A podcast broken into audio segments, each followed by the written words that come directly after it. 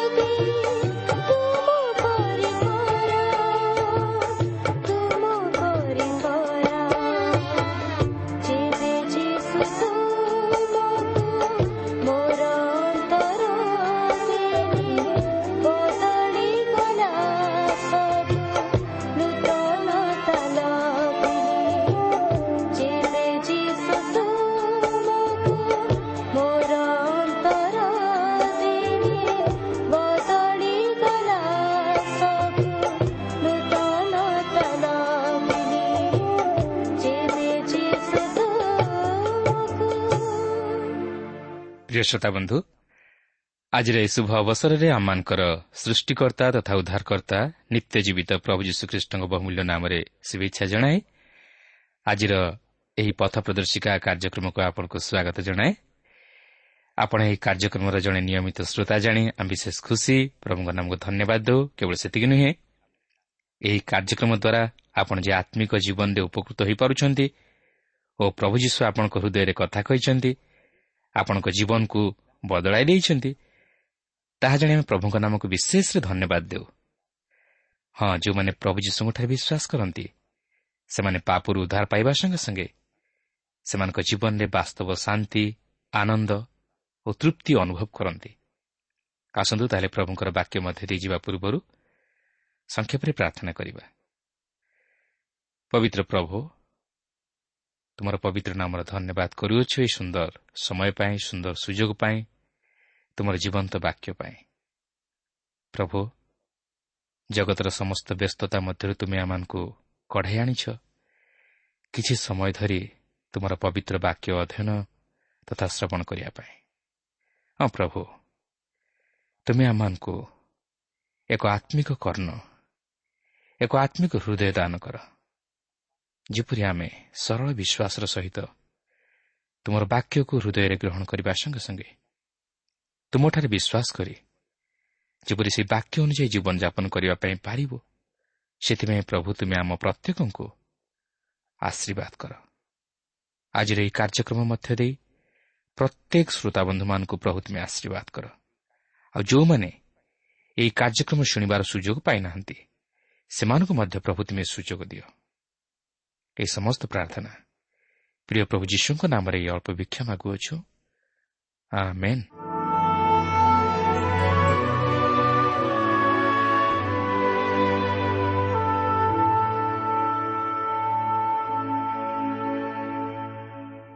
ଆସନ୍ତୁ ତାହେଲେ ପ୍ରଭୁଙ୍କର ବାକ୍ୟ ମଧ୍ୟକୁ ଯିବା। ଆଜି ଆମେ ପୁରାତନ ନିୟମର ଆଉ ଏକ ନୂତନ ପୁସ୍ତକ ଅଧ୍ୟୟନ କରିବା ପାଇଁ ଯିବା। ତାହା ହେଉଛି ଋତର ବିବରଣ ପୁସ୍ତକ। ଏହି ପୁସ୍ତକଟି ଅତି ଚମତ୍କାର ଓ ଶିକ୍ଷଣୀୟ। ଏହି ପୁସ୍ତକରେ ଆମେ ଜଣେ ନାରୀର ସମ୍ପର୍କରେ ଆଲୋଚନା କରିବାକୁ ଯିବା ସେ ହେଉଛନ୍ତି ଋତ ଓ ଏହି ପୁସ୍ତକ ମଧ୍ୟରେ ସେ ହେଉଛନ୍ତି ମୁଖ୍ୟ ନାୟିକା ଓ ବୟଜ ହେଉଛନ୍ତି ମୁଖ୍ୟ ନାୟକ। କିନ୍ତୁ ଏହି ପୁସ୍ତକଟି ଅଧ୍ୟୟନ କରିବାକୁ ଯିବା ପୂର୍ବରୁ ମୁଁ ଏହି ପୁସ୍ତକର ପୃଷ୍ଠଭୂମି ଉପରେ ଆପଣଙ୍କର ଦୃଷ୍ଟି ଆକର୍ଷଣ କରିବା ପାଇଁ ଚାହେଁ। ଏହି ପୁସ୍ତକଟି ଯଦିଓ ଅତି ଛୋଟ ପୁସ୍ତକ ମାତ୍ର ଏହି ପୁସ୍ତକ ମଧ୍ୟରେ ଅନେକ କିଛି ଆଧ୍ୟାତ୍ମିକ ତଥା ନିଗୁଢ଼ ବିଷୟମାନ ନିହିତ ଅଛି। ଏହି ପୁସ୍ତକରେ ଏକ ପ୍ରେମିକ ଓ ପ୍ରେମିକାଙ୍କର ପ୍ରଣୟର ନିବିଡ଼ ବନ୍ଧନ ମଧ୍ୟ ଦେଇ ଏକ ଉଦ୍ଧାରର ବିଷୟକୁ ଉପସ୍ଥାପିତ କରାଯାଇଅଛି। ଏହି ପୁସ୍ତକଟି ଅଧ୍ୟୟନ କରିବା ସମୟରେ ଆପଣ ବାସ୍ତବରେ ଆନନ୍ଦ ଅନୁଭବ କରିବେ ଓ ତହିଁରେ ମଧ୍ୟ ଅନେକ କିଛି ଶିକ୍ଷା ଗ୍ରହଣ କରିପାରିବେ। ଏହି ଋତ ପୁସ୍ତକର ନାମକରଣ ଋତ ନାମ୍ନୀ ଜଣେ ବିଦେଶିଆ କନ୍ୟାର ଜୀବନ କାହାଣୀକୁ ନେଇ ନାମିତ କରାଯାଇଅଛି ଏହି ଋତ ସେହି ମୟାବ ଦେଶର ଦେବପୂଜକମାନଙ୍କ ମଧ୍ୟରୁ ଓ ସେହି ପ୍ରତିମା ପୂଜା ମଧ୍ୟରୁ ବାହାରି ଆସି ଇସ୍ରାଏଲ୍ର ସଦାପ୍ରଭୁଙ୍କ ପ୍ରତି ମନ ଦେଇଥିଲା ଓ ତାହାଙ୍କର ଶରଣାପନ୍ନ ହୋଇଥିଲା। ସେଥିପାଇଁ ବୟଜ କହନ୍ତି ଇସ୍ରାଏଲ୍ର ଯେଉଁ ସଦାପ୍ରଭୁ ପରମେଶ୍ୱରଙ୍କ ପକ୍ଷ ତଳେ ତୁମ୍ଭେ ଆଶ୍ରୟ ନେବାକୁ ଆସିଅଛ ସେହି ତୁମକୁ ସମ୍ପୂର୍ଣ୍ଣ ପୁରସ୍କାର ଦେଉନ୍ତୁ। ଏହି ଋତ ପୁସ୍ତକରେ କେବଳ ମାତ୍ର ଚାରୋଟି ପର୍ବ ଅଛି କିନ୍ତୁ ଏହି ଚାରୋଟି ଯାକ ପର୍ବରେ ଅତି ମହତ୍ୱପୂର୍ଣ୍ଣ ଶିକ୍ଷା ତଥା ସମ୍ବାଦ ରହିଅଛି। ଏହା ଏକ ବଂଶାବଳୀକୁ ଉପସ୍ଥାପିତ କରେ ଯାହାକି ପ୍ରଭୁ ଯୀଶୁଖ୍ରୀଷ୍ଟଙ୍କ ଆଡ଼କୁ କଢ଼ାଇ ନିଏ ଏବଂ ପ୍ରଭୁ ଯୀଶୁଖ୍ରୀଷ୍ଟ ଯେ ଦାଉଦଙ୍କ ବଂଶରୁ ଆଗମନ କରିଅଛନ୍ତି ତାହା ପ୍ରକାଶ କରେ। ତେବେ ଏହି ବଂଶାବଳୀକୁ ଉପସ୍ଥାପିତ କରିବା ଏହି ପୁସ୍ତକର ମୁଖ୍ୟ ଉଦ୍ଦେଶ୍ୟ ନୁହେଁ ମାତ୍ର ଏହି ବଂଶାବଳୀକୁ ଉପସ୍ଥାପିତ କରିବା ପଛରେ ଲେଖକଙ୍କର ଏକ ମୁଖ୍ୟ ଉଦ୍ଦେଶ୍ୟ ପରିଲକ୍ଷିତ ହୁଏ ତାହା ହେଉଛି ପ୍ରଭୁ ଯୀଶୁଖ୍ରୀଷ୍ଟଙ୍କର ଉଦ୍ଧାରର କାର୍ଯ୍ୟ। କାରଣ ପ୍ରଭୁ ଯୀଶୁଖ୍ରୀଷ୍ଟଙ୍କର ଏହି ଜଗତକୁ ଆଗମନ କରିବା ନେଇ ଏହି ଋତ ପୁସ୍ତକଟି ଅତି ଗୁରୁତ୍ୱପୂର୍ଣ୍ଣ। ଏହା ପ୍ରଭୁ ଯୀଶୁଖ୍ରୀଷ୍ଟଙ୍କର ଏହି ଜଗତକୁ ଆଗମନ କରିବାର ଉଦ୍ଦେଶ୍ୟକୁ ପ୍ରକାଶ କରେ। କେବଳ ସେତିକି ନୁହେଁ ସେ ଯେ ପୁନର୍ବାର ଏହି ଜଗତକୁ ଆଗମନ କରି ସେହି ଦାଉଦଙ୍କ ସିଂହାସନରେ ବସି ରାଜତ୍ୱ କରିବେ ତାହା ମଧ୍ୟ ପ୍ରକାଶ କରେ। ଏହି ପୁସ୍ତକ ବିନା ଆମେ କେବେ ହେଲେ ଦାଉଦଙ୍କ ବଂଶକୁ ଜିହୁଦା ଗୋଷ୍ଠୀ ସହିତ ସଂଯୋଗ କରିପାରିବା ନାହିଁ। ଏହି ପୁସ୍ତକ ବିନା ଆମେ ପବିତ୍ର ଧର୍ମଶାସ୍ତ୍ରର ପ୍ରତ୍ୟେକଟି ପୁସ୍ତକକୁ ପରସ୍ପର ସହିତ ସଂଯୋଗ କରିପାରିବା ନାହିଁ। ଏହା ଏକ ଜଞ୍ଜିର ପରି କାର୍ଯ୍ୟ କରେ। ଏହା ପୁରାତନ ନିୟମ ଓ ନୂତନ ନିୟମ ମଧ୍ୟରେ ଏକ ସମନ୍ୱୟ ସ୍ଥାପନ କରେ। ତେଣୁକରି ଏହି କାରଣରୁ ଏହି ପୁସ୍ତକ ପବିତ୍ର ଧର୍ମଶାସ୍ତ୍ର ମଧ୍ୟରେ ସ୍ଥାନ ପାଇଅଛି। ତେବେ ସେ ଯାହା ହେଉନା କାହିଁକି ଏହି ପୁସ୍ତକର ମୁଖ୍ୟ ଉଦ୍ଦେଶ୍ୟ ହେଉଛି ଉଦ୍ଧାରର କାର୍ଯ୍ୟ। କାରଣ କେବଳ ମୁକ୍ତିକର୍ତ୍ତା ଜ୍ଞାତିଙ୍କ ଦ୍ୱାରା ଉଦ୍ଧାର ସମ୍ଭବ। ଈଶ୍ୱର ଜଣେ ମଧ୍ୟସ୍ଥିଙ୍କ ବିନା ଉଦ୍ଧାରର କାର୍ଯ୍ୟ ସାଧନ କରିନଥିଲେ କିନ୍ତୁ ଏହାର ଅର୍ଥ ନୁହେଁ ଯେ ଈଶ୍ୱର ଉଦ୍ଧାର କରିପାରନ୍ତି ନାହିଁ। ଯେହେତୁ ଈଶ୍ୱର କେବଳ ଉଦ୍ଧାର କରିପାରନ୍ତି ଏଥିନିମନ୍ତେ ସେହି ମଧ୍ୟସ୍ଥି ସ୍ୱରୂପ ହେବା ତାହାଙ୍କ ନିମନ୍ତେ ଅତି ଜରୁରୀ ବିଷୟ ଥିଲା। ବା ସେହି ମୁକ୍ତିକର୍ତ୍ତା ଜ୍ଞାତି ସ୍ୱରୂପ ହେବା ତାହାଙ୍କ ନିମନ୍ତେ ଅତି ଆବଶ୍ୟକ ଥିଲା। ସେଥିପାଇଁ ପ୍ରଭୁ ଯୀଶୁଖ୍ରୀଷ୍ଟ ମାନବ ରୂପରେ ଏହି ଜଗତକୁ ଆସି ତାହାଙ୍କର ସେହି ସ୍ୱର୍ଗୀୟ ପ୍ରେମ ବା ଈଶ୍ୱରୀୟ ପ୍ରେମ ପ୍ରକାଶ କରି ପାପିଷ୍ଠ ମାନବ ଜାତିର ଉଦ୍ଧାର ନିମନ୍ତେ ଆପଣଙ୍କୁ ବଳି ସ୍ୱରୂପେ କୃଷରେ ଉତ୍ସର୍ଗ କଲେ ଓ ସେହି ପବିତ୍ର ରକ୍ତ ମୂଲ୍ୟ ସ୍ୱରୂପେ ଦେଇ ଆମମାନଙ୍କୁ ମୁକ୍ତ କଲେ। ତେଣୁକରି ଏହି ପୁସ୍ତକରେ ଆମେ ଦେଖୁ ଯେ ସେହି ବୟଜ ମୁକ୍ତିକର୍ତ୍ତା ଜ୍ଞାତି ସ୍ୱରୂପେ ତହିଁର ମୂଲ୍ୟ ଦେଇ ଋତକୁ ତାହାର ଭାର୍ଯ୍ୟ ରୂପେ ଗ୍ରହଣ କରି ସେହି ଉଦ୍ଧାରର କାର୍ଯ୍ୟକୁ ସାଧନ କଲେ। ଏହି ଋତର ପୁସ୍ତକଟି ଆମମାନଙ୍କ ପରି ଏକ ସାଧାରଣ ଦମ୍ପତିଙ୍କର ଦାମ୍ପତ୍ୟ ପ୍ରଣୟକୁ ପ୍ରକାଶ କରେ। ସେମାନଙ୍କର ପରସ୍ପର ମଧ୍ୟରେ ଯେଉଁ ଦାମ୍ପତ୍ୟ ପ୍ରେମ ତାହା ପ୍ରକାଶିତ ହୁଏ। ସେମାନଙ୍କର ସେହି ପ୍ରେମ କାହାଣୀ ଏକ ଦର୍ପଣ ବା ଆଇନ ସଦୃଶ ଯେଉଁ ଆଇନାରେ କି ଆମେ ଆମମାନଙ୍କର ପ୍ରତି ଆମମାନଙ୍କର ଉଦ୍ଧାରକର୍ତ୍ତାଙ୍କର ସେହି ସ୍ୱର୍ଗୀୟ ପ୍ରେମକୁ ଦେଖିପାରିବା। ଆମେ ଏହି ପୁସ୍ତକଟିକୁ ଅଧ୍ୟୟନ କରିବା ସମୟରେ ସେହି ମୁକ୍ତିକର୍ତ୍ତା ଜ୍ଞାତିକ ପ୍ରେମ ମଧ୍ୟରେ ଆମମାନଙ୍କ ଉଦ୍ଧାରକର୍ତ୍ତା ପ୍ରଭୁ ଯୀଶୁଖ୍ରୀଷ୍ଟଙ୍କର ସେହି ଅନାବିଳ ତଥା ନିଃସ୍ୱାର୍ଥପର ଓ ଅତୁଳନୀୟ ସ୍ୱର୍ଗୀୟ ପ୍ରେମକୁ ଓ ତାହାଙ୍କର ସେହି ଉଦ୍ଧାରର କାର୍ଯ୍ୟକୁ ଦେଖିବାକୁ ପାରିବା। ତେଣୁ ମୋର ଅନୁରୋଧ ଆମେ ଏହି ପୁସ୍ତକକୁ ଅଧ୍ୟୟନ କରିବା ସମୟରେ ସେହି ପ୍ରେମ କାହାଣୀ ମଧ୍ୟରେ ପ୍ରଭୁ ଯୀଶୁଙ୍କର ସେହି ସ୍ୱର୍ଗୀୟ ପ୍ରେମକୁ ଉପଲବ୍ଧି କରିବା ନିମନ୍ତେ ଚେଷ୍ଟା କରିବା। ତାହେଲେ ଏହି ପୁସ୍ତକଟି ଅଧ୍ୟୟନ କରିବା ଆମମାନଙ୍କ ପକ୍ଷରେ ସାର୍ଥକ ହେବ। ଓ ଆମେ ସେହି ଉଦ୍ଧାରକର୍ତ୍ତାଙ୍କର ପରିଚୟ ପାଇବା ସଙ୍ଗେ ସଙ୍ଗେ ତାହାଙ୍କର ସେହି ସ୍ୱର୍ଗୀୟ ପ୍ରେମରେ ଆମେ ବାନ୍ଧି ହୋଇଯିବା ଓ ତାହାଙ୍କର ସେହି ପ୍ରେମର ବାହୁବନ୍ଧନରେ ଛନ୍ଦି ହୋଇଯିବା। ଆସନ୍ତୁ ତାହେଲେ ଆମେ ଚାଲିଯିବା ସେହି ମୟାବ ଦେଶକୁ ଯେଉଁଠାରୁ କି ଋତର ଜୀବନ କାହାଣୀ ଆରମ୍ଭ ହୁଏ। ତେବେ ଋତ ପୁସ୍ତକ ପ୍ରଥମ ପର୍ବର ପ୍ରଥମ ପଦରେ ଏହିପରି ଲେଖା ଅଛି ବିଚାର କର୍ତ୍ତୃଗଣ ବିଚାର କରିବା କାଳେ ଏକ ସମୟରେ ଦେଶରେ ଦୁର୍ଭିକ୍ଷ ପଡ଼ିଲା। ତହିଁରେ ବୟତ ଲେହମ ଜିହୁଦାର ଜଣେ ଲୋକ ଆପଣା ଭାର୍ଯ୍ୟା ଓ ଦୁଇ ପୁତ୍ର ଘେନି ମୟାବ ଦେଶରେ ପ୍ରବାସ କରିବାକୁ ଗଲା। ଆପଣ ନିଶ୍ଚିତ ଭାବରେ ଖବରକାଗଜ ପଢ଼ୁଥିବେ। ଆପଣ ଯେକୌଣସି ଘଟଣା ପ୍ରତି ଦୃଷ୍ଟି ଦେବେ ତେବେ ପ୍ରଥମେ ଆପଣ ସେହି ପ୍ରକାଶ କରାଯାଇଥିବା ଘଟଣାର ପ୍ରଥମ ପାରାଗ୍ରାଫ ମଧ୍ୟରେ ସେହି ଘଟଣାର ଏକ ମୋଟାମୋଟି ବିବରଣୀ ଆପଣ ପାଇପାରିବେ।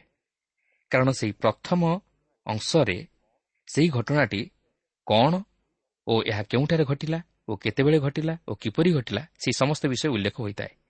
ତହିଁରୁ ଆପଣ ସେହି ଘଟଣା ସମ୍ପର୍କରେ ଏକ ମୋଟାମୋଟି ତଥ୍ୟ ପାଇଥାନ୍ତି। ଆଉ ଠିକ୍ ସେହିପରି ଏହି ଋତର ପୁସ୍ତକର ପ୍ରଥମ ପର୍ବର ପ୍ରଥମ ପଦରେ ଆମେ ଏହି ପୁସ୍ତକ ମଧ୍ୟରେ ବର୍ଣ୍ଣିତ ହୋଇଥିବା ଘଟଣାର ଏକ ମୋଟାମୋଟି ତଥ୍ୟ ପାଇପାରୁଛୁ। ଏହି ପୁସ୍ତକର ସମ୍ଭାଦଦାତା ହେଉଛନ୍ତି ଈଶ୍ୱରଙ୍କର ପବିତ୍ର ଆତ୍ମା। ତେଣୁକରି ଏହି ପ୍ରଥମ ପର୍ବର ପ୍ରଥମ ପଦରେ ସେ ପ୍ରଥମେ ସେହି ଘଟଣା ଘଟିବାର ସମୟ ଓ ସ୍ଥାନ ବିଷୟ ନେଇ ପ୍ରକାଶ କରନ୍ତି। ସମୟ ବିଷୟ ନେଇ ଏହିପରି ଲେଖା ଅଛି ବିଚାର କର୍ତ୍ତୃଗଣ ବିଚାର କରିବା ବେଳେ। ଅର୍ଥାତ୍ ଏହି ସମୟରେ ଘଟଣାଟି ଘଟିଥିଲା। ଏହି ସମୟ ଏକ ଅନ୍ଧକାରର ସମୟ ଥିଲା। ଦୃଶ୍ୟ ଅନ୍ଧକାର ନୁହେଁ ମାତ୍ର ଆତ୍ମିକ ଅନ୍ଧକାର। ଅର୍ଥାତ୍ ଇସ୍ରାଏଲ୍ ଜାତିର ଇତିହାସରେ ଏହା ସବୁଠାରୁ ଅନ୍ଧକାରମୟ ସମୟ ଥିଲା। ଏଥିପୂର୍ବରୁ ଆମେ ବିଚାରକର୍ତ୍ତା ପୁସ୍ତକ ଅଧ୍ୟୟନ କରି ଦେଖିଥିଲୁ ଯେ ଏହି ବିଚାରକର୍ତ୍ତାମାନଙ୍କ ସମୟରେ ଇସ୍ରାଏଲ୍ ମଧ୍ୟରେ କୌଣସି ରାଜା ନଥିଲେ। ଯାହା ଦୃଷ୍ଟିରେ ଯାହା ଭଲ ଦିଶିଲା ସେ ତାହା କଲା। ସେମାନେ ବାରମ୍ବାର ଈଶ୍ୱରଙ୍କଠାରୁ ବିମୁଖ ହୋଇ ପାପରେ ପତିତ ହେଲେ। ପ୍ରତିମା ପୂଜାରେ ଆସକ୍ତ ହେଲେ ଓ ଈଶ୍ୱର ସେମାନଙ୍କୁ ଶତ୍ରୁ ହସ୍ତରେ ସମର୍ପଣ କଲେ ଓ ସେମାନେ ସେମାନଙ୍କ ଶତ୍ରୁମାନଙ୍କ ଅଧୀନରେ ରହି କଠିନ ଦାସ୍ୟକର୍ମ କଲେ। କିନ୍ତୁ ସେମାନେ ଈଶ୍ୱରଙ୍କ ନିକଟରେ କ୍ରନ୍ଦନ କରିବାରୁ ଈଶ୍ୱର ସେମାନଙ୍କର କ୍ରନ୍ଦନ ଶୁଣି ସେମାନଙ୍କୁ ଉଦ୍ଧାର କରିବା ନିମନ୍ତେ ବିଚାରକର୍ତ୍ତାମାନଙ୍କୁ ଉତ୍ପନ୍ନ କରାଇଲେ ଓ ସେହି ବିଚାରକର୍ତ୍ତାମାନଙ୍କ ଦ୍ୱାରା ସେମାନଙ୍କୁ ଉଦ୍ଧାର କଲେ। ଏହିପରି ଭାବେ ସେମାନଙ୍କର ନୈତିକ ଜୀବନର ଐତିହାସିକ ଜୀବନଚକ୍ର ବାରମ୍ବାର ଉତ୍ଥାନ ଓ ପତନ ମଧ୍ୟ ଦେଇ ଗତିକଲା। କିନ୍ତୁ ଈଶ୍ୱର ସେମାନଙ୍କ ପ୍ରତି ତାହାଙ୍କର ଅସୀମ ଅନୁଗ୍ରହ ପ୍ରକାଶ କରି ସେମାନଙ୍କ ପ୍ରତି ଦୀର୍ଘ ସହିଷ୍ଣୁ ଥିଲେ ଓ ସେମାନଙ୍କର ସତ ଅଯୋଗ୍ୟତା ଓ ଅପରାଧ ସତ୍ତ୍ୱେ ସେମାନଙ୍କୁ ଉଦ୍ଧାର କଲେ। ମାତ୍ର ତଥାପି ସେମାନେ ନିଜର ମନ ମୁତାବକ କାର୍ଯ୍ୟ କରି ଈଶ୍ୱରଙ୍କଠାରୁ ବିମୁଖ ହେଲେ। ତେଣୁ ଏହିପରି ଏକ ସମୟରେ ଏହି ପୁସ୍ତକର ବିଷୟବସ୍ତୁ ଆରମ୍ଭ ହୁଏ। ଏହି ଋତୁର ବିବରଣ ମଧ୍ୟରେ ଯେଉଁ ସମସ୍ତ ଘଟଣା ବର୍ଣ୍ଣିତ ହୋଇଅଛି ସେହିସବୁ ଘଟଣା ଏହି ଅନ୍ଧକାରର ସମୟ ମଧ୍ୟରେ ଘଟିଥିଲା। ଏହା ଏପରି ଏକ ସମୟ ଥିଲା ଯେଉଁ ସମୟରେ କି ସାମସନ୍ ପରି ବ୍ୟକ୍ତିଙ୍କର କାର୍ଯ୍ୟକଳାପ ଇସ୍ରାଏଲ୍ ଜାତି ପ୍ରତି ଘୋର ଅପମାନଜନକ ତଥା ନିନ୍ଦାର ବିଷୟ ଥିଲା। ତେଣୁ ଏହିପରି ଏକ ଦୁର୍ନୀତି ଓ ବିଶୃଙ୍ଖଳାପୂର୍ଣ୍ଣ ସମୟରେ ଏହି ସୁନ୍ଦର ଘଟଣା ଘଟୁଅଛି। ଏହା ସେହି ଅନ୍ଧକାରମୟ ଯୁଗରେ ଏକ ଆଲୋକର ବିଷୟ। ଏହି ପ୍ରକାରେ ଈଶ୍ୱର ତାଙ୍କର ଅଦ୍ଭୁତ କାର୍ଯ୍ୟ ସାଧନ କରନ୍ତି। ସେ ପାପର ଅନ୍ଧକାର ମଧ୍ୟରେ ପରିତ୍ରାଣ ରୂପକ ଆଲୋକ ଉଦ୍ଭାସିତ କରାନ୍ତି। ସେହିପରି ସେ ବିଚାରକର୍ତ୍ତାମାନଙ୍କର ସମୟର ଅନ୍ଧକାର ଯୁଗ ମଧ୍ୟରେ ଏହି ସୁନ୍ଦର ଘଟଣାଟିକୁ ଘଟାନ୍ତି ଓ ଏହି ଘଟଣା ମାଧ୍ୟମରେ ସେ ତାଙ୍କର ପ୍ରେମ ଓ ଉଦ୍ଧାରର ବିଷୟକୁ ପ୍ରକାଶ କରନ୍ତି। ତାହା ହିଁ ଈଶ୍ୱର ଏହି ଘଟଣା ମାଧ୍ୟମରେ ଆମମାନଙ୍କୁ ଜଣାଇବାକୁ ଚାହାନ୍ତି। ଏଠାରେ ଋତ ଓ ବୟୋଜର ପ୍ରେମ କାହାଣୀକୁ ପ୍ରକାଶ କରିବା ଈଶ୍ୱରଙ୍କର ବାସ୍ତବ ଉଦ୍ଦେଶ୍ୟ ନୁହେଁ ମାତ୍ର ଏହି ପ୍ରେମ କାହାଣୀ ମାଧ୍ୟମରେ ସେ ଖ୍ରୀଷ୍ଟଙ୍କର ପ୍ରେମକୁ ଓ ତାହାଙ୍କର ଉଦ୍ଧାରର କାର୍ଯ୍ୟକୁ ପ୍ରକାଶ କରନ୍ତି। ଯଦି ଆମେ ସେହି ଦୃଷ୍ଟିକୋଣରୁ ନେଇ ଏହି ପୁସ୍ତକଟିକୁ ଅଧ୍ୟୟନ କରି ଆଲୋଚନା କରିବା ତାହେଲେ ଆମେ ଏହି ସୁନ୍ଦର ଘଟଣାରୁ ଖ୍ରୀଷ୍ଟଙ୍କର ବାସ୍ତବ ପ୍ରେମର ପରିଚୟ ପାଇପାରିବା। କେବଳ ସମୟ ନୁହେଁ ଏହି ପ୍ରଥମ ପର୍ବର ପ୍ରଥମ ପଦରେ ଆମେ ସ୍ଥାନ ବିଷୟରେ ପ୍ରକାଶ କରାଯାଇଥିବାର ଲକ୍ଷ୍ୟ କରୁ ଓ ତାହା ଥିଲା ଜିହୁଦାର ବେଥଲିହେମ୍। ଏହି ନାମ ମଧ୍ୟ ଅତି କୌତୁହଳପୂର୍ଣ୍ଣ। ଈଶ୍ୱରଙ୍କ ସନ୍ତାନମାନଙ୍କ ନିମନ୍ତେ ଏହି ବୈଥଲିହମ୍ ଜିହୁଦାର ଏକ ବାସ୍ତବ ଅର୍ଥ ମଧ୍ୟ ରହିଅଛି। ସ୍ପଷ୍ଟ ଭାବେ କହିବାକୁ ଗଲେ ଏହି ଋତୁର ବିବରଣ ପୁସ୍ତକରେ ଯେଉଁ ବିଷୟ ବର୍ଣ୍ଣିତ ହୋଇଅଛି ତାହା ଯଦି ପ୍ରଥମେ ଏହି ବୈଥଲିହମ୍ରେ ଘଟିନଥାନ୍ତା ତାହେଲେ ପ୍ରଭୁ ଯୀଶୁଖ୍ରୀଷ୍ଟ ମଧ୍ୟ ବୈଥଲିହମ୍ରେ ଜନ୍ମଗ୍ରହଣ କରିନଥାନ୍ତେ। ତେବେ ସେ ଯାହୁନା କାହିଁକି? ଏହି ଋତୁର ବିବରଣ ପୁସ୍ତକରେ ବର୍ଣ୍ଣିତ ହୋଇଥିବା ଘଟଣାବଳୀ ପ୍ରଭୁ ଯୀଶୁଖ୍ରୀଷ୍ଟଙ୍କର ଏହି ପାପିଷ୍ଠ ଜଗତ ପ୍ରତି ତାହାଙ୍କର ପ୍ରେମ ଓ ଉଦ୍ଧାରର କାର୍ଯ୍ୟ ପ୍ରତି ଅଙ୍ଗୁଳି ନିର୍ଦ୍ଦେଶ କରୁଥିଲା।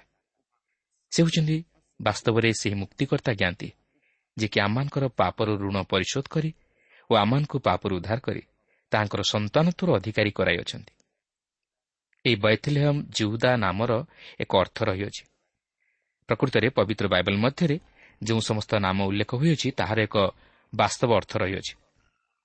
ବୈଥଲେମ୍ର ଅର୍ଥ ଆହାରର ଗୃହ ବା ଆମେ କହିପାରିବା ଖାଦ୍ୟର ଭଣ୍ଡାର ଘର ଏବଂ ଜିହୁଦାର ଅର୍ଥ ପ୍ରଶଂସା ଓ ଏହା ବସବାସ କରିବା ନିମନ୍ତେ ବା ଜୀବନ ଧାରଣ କରିବା ନିମନ୍ତେ ଏକ ଚମତ୍କାର ସ୍ଥାନ ଥିଲା।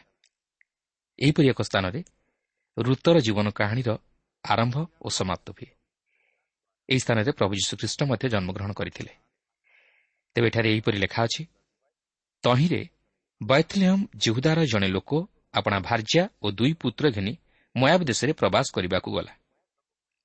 ଦେଖନ୍ତୁ ସେ ସେହି ଆହାରର ଗୃହ ଓ ପ୍ରଶଂସାର ସ୍ଥାନରେ ବାସ କରେ। ମାତ୍ର ସେ ମୟାବ ଦେଶରେ ପ୍ରବାସ କରିବା ପାଇଁ ଯାଉଅଛି। ସେହି ମୟାବ ବିଷୟ ନେଇ ଈଶ୍ୱରଙ୍କ ବାକ୍ୟରେ ଯାହା ଲେଖା ଅଛି ତାହା ମଧ୍ୟ ଅତି କୌତୁହଳଜନକ। କାରଣ ଗୀତ ସଂହିତା ଶହେ ଆଠ ପର୍ବର ନଅ ପଦ ପ୍ରକାଶ କରେ ମୟାବ ମୋ ପ୍ରକ୍ଷାଳନ ପାତ୍ର। ତାହା ଈଶ୍ୱର ମୟାବ ବିଷୟ ନେଇ ପ୍ରକାଶ କରନ୍ତି। ଅନ୍ୟ ଅର୍ଥରେ କହିବାକୁ ଗଲେ ଈଶ୍ୱର କହିବାକୁ ଚାହାନ୍ତି ମୟାବ ମୋର ଆବର୍ଜନାର ସ୍ଥାନ। ବର୍ତ୍ତମାନ ଆପଣ ଲକ୍ଷ୍ୟ କରନ୍ତୁ ଜଣେ ଲୋକ ଆପଣା ଭାର୍ଯ୍ୟା ଓ ଦୁଇ ପୁତ୍ର ଘେନି ମୟାବ ଦେଶକୁ ଯାଉଛି। କ'ଣ ପାଇଁ? ନିଜର ଜୀବନ ଧାରଣ ନିମନ୍ତେ। ଖାଦ୍ୟ ପାଇବା ପାଇଁ।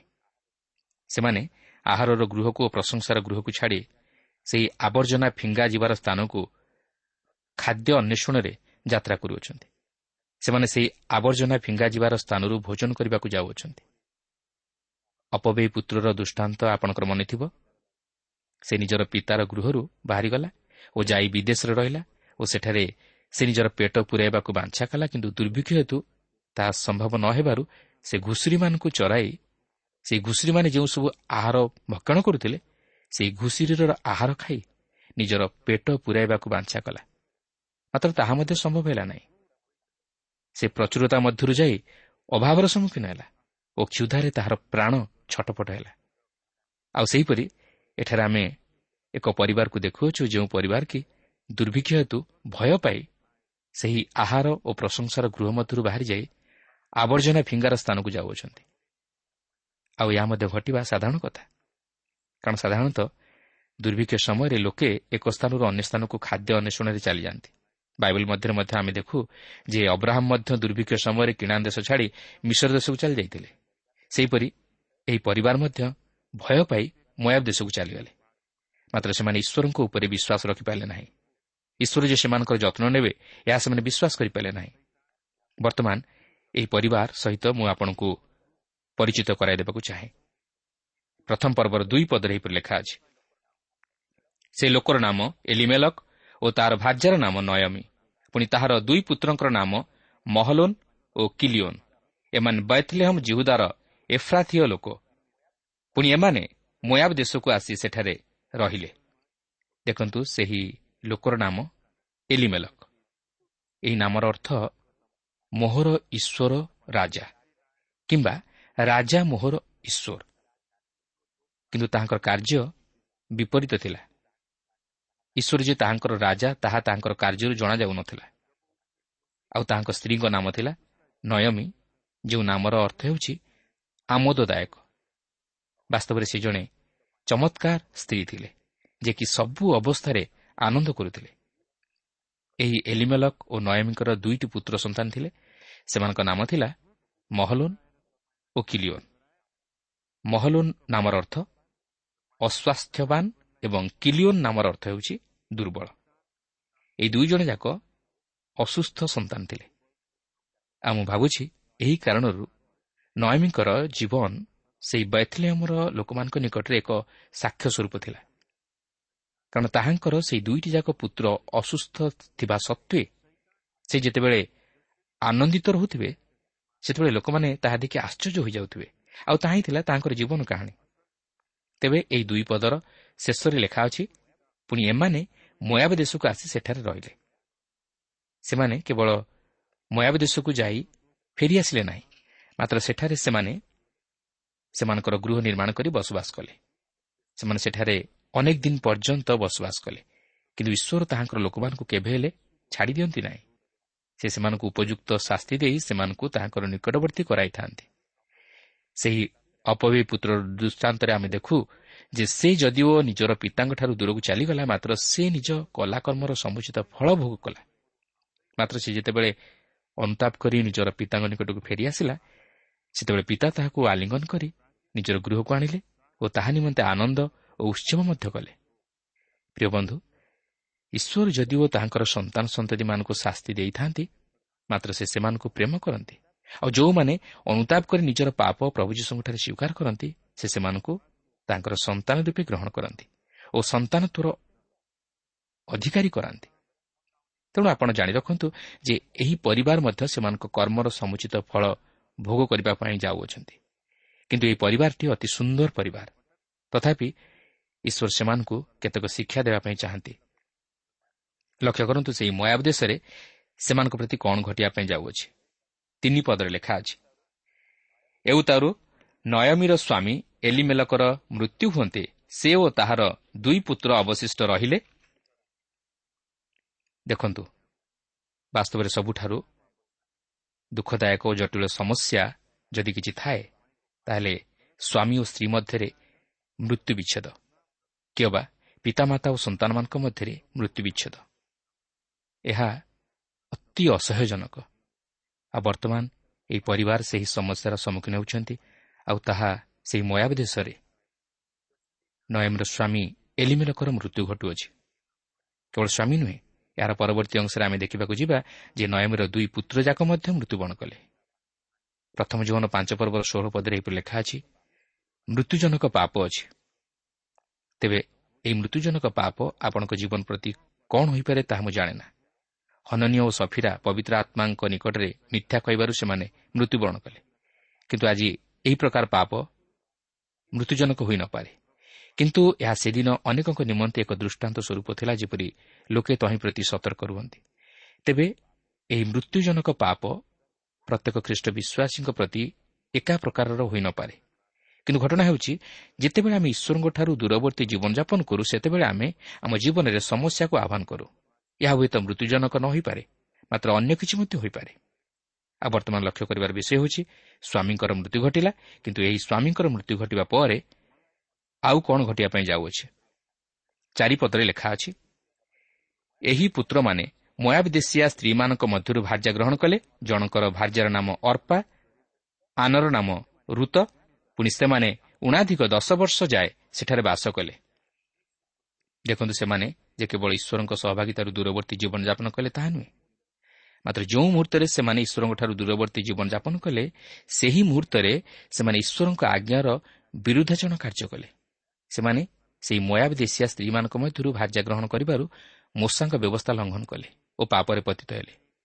କାରଣ ଈଶ୍ୱରଙ୍କଠାରୁ ଦୂରବର୍ତ୍ତୀ ଜୀବନଯାପନର ପରବର୍ତ୍ତୀ ପଦକ୍ଷେପ ହେଉଛି ତାହାଙ୍କ ଆଜ୍ଞା ବିରୁଦ୍ଧ କାର୍ଯ୍ୟ କରି ପାପରେ ପତିତ ହେବା ଓ ପାପରେ ଜୀବନ ଅତିବାହିତ କରିବା। କିନ୍ତୁ ଏହାରି ମଧ୍ୟରେ ମଧ୍ୟ ଈଶ୍ୱରଙ୍କର ଏକ ମହତ୍ ଅଭିମତ ସଫଳ ହେବାକୁ ଥିଲା ଯାହାକି ଆମେ ଋତର ଜୀବନରେ ଦେଖିବାକୁ ପାରିବା। ତେବେ ସେହି ଦୁଇ ପୁଅଙ୍କର ଯେଉଁ ଦୁଇ ପୁତ୍ରବଧୂ ହେଲେ ସେମାନଙ୍କର ନାମ ଥିଲା ଅର୍ପା ଓ ଋତ ତେବେ ଏହି ଦୁଇ ଜଣ ମୟାବିଆ ସ୍ତ୍ରୀ କାହିଁକି ସେହି ରୋଗାକ୍ରାନ୍ତ ତଥା ଦୁର୍ବଳ ପୁତ୍ରମାନଙ୍କୁ ବିବାହ କଲେ ତାହା ଜାଣିବା ସହଜ ନୁହେଁ କିନ୍ତୁ ଈଶ୍ୱରଙ୍କର ମହତ ଅଭିମତ ଯେପରି ସଫଳ ହୁଏ ଏଥିନିମନ୍ତେ ଏପରି ଘଟିଲା।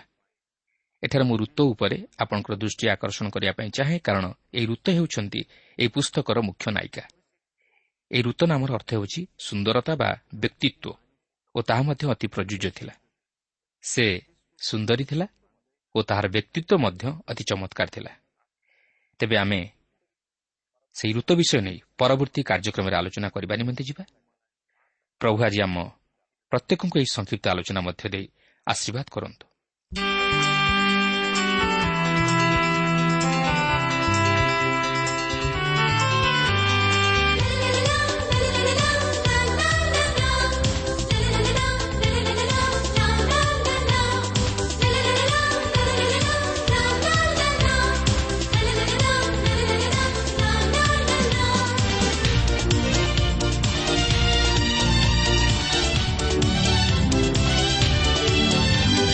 ଜୀବିତ ଯିଶୁ ଜୀବିତ ମୋ ଅନ୍ତରେ ଯିଶୁ ଜୀବିତ। ସଙ୍କଟରେ ସଦା ସହାୟ ଯିଶୁ ସଦା ଜୀବିତ।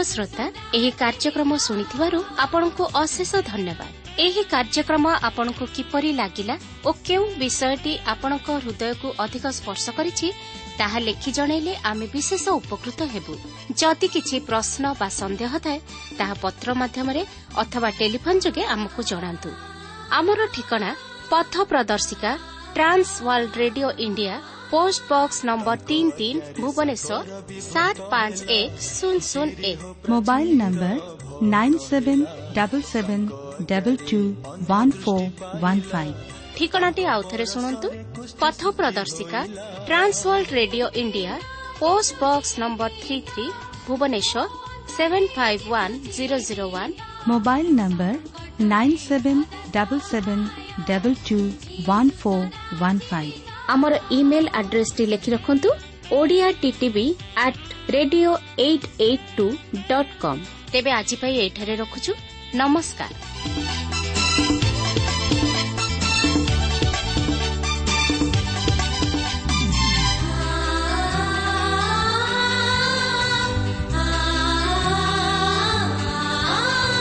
ତୁମକୁ ନ ଛାଡ଼ି ପଛେ ଚାଲିବି। କହିଛ ମୁଁ ନିତ୍ୟ ସମ୍ଭାଳିବି ମୃତ୍ୟୁ ପରେ ମୋତେ ସ୍ୱର୍ଗରେ ଗ୍ରାହ୍ୟ କର ପ୍ରଭୁ ନିଜ ଗୃହରେ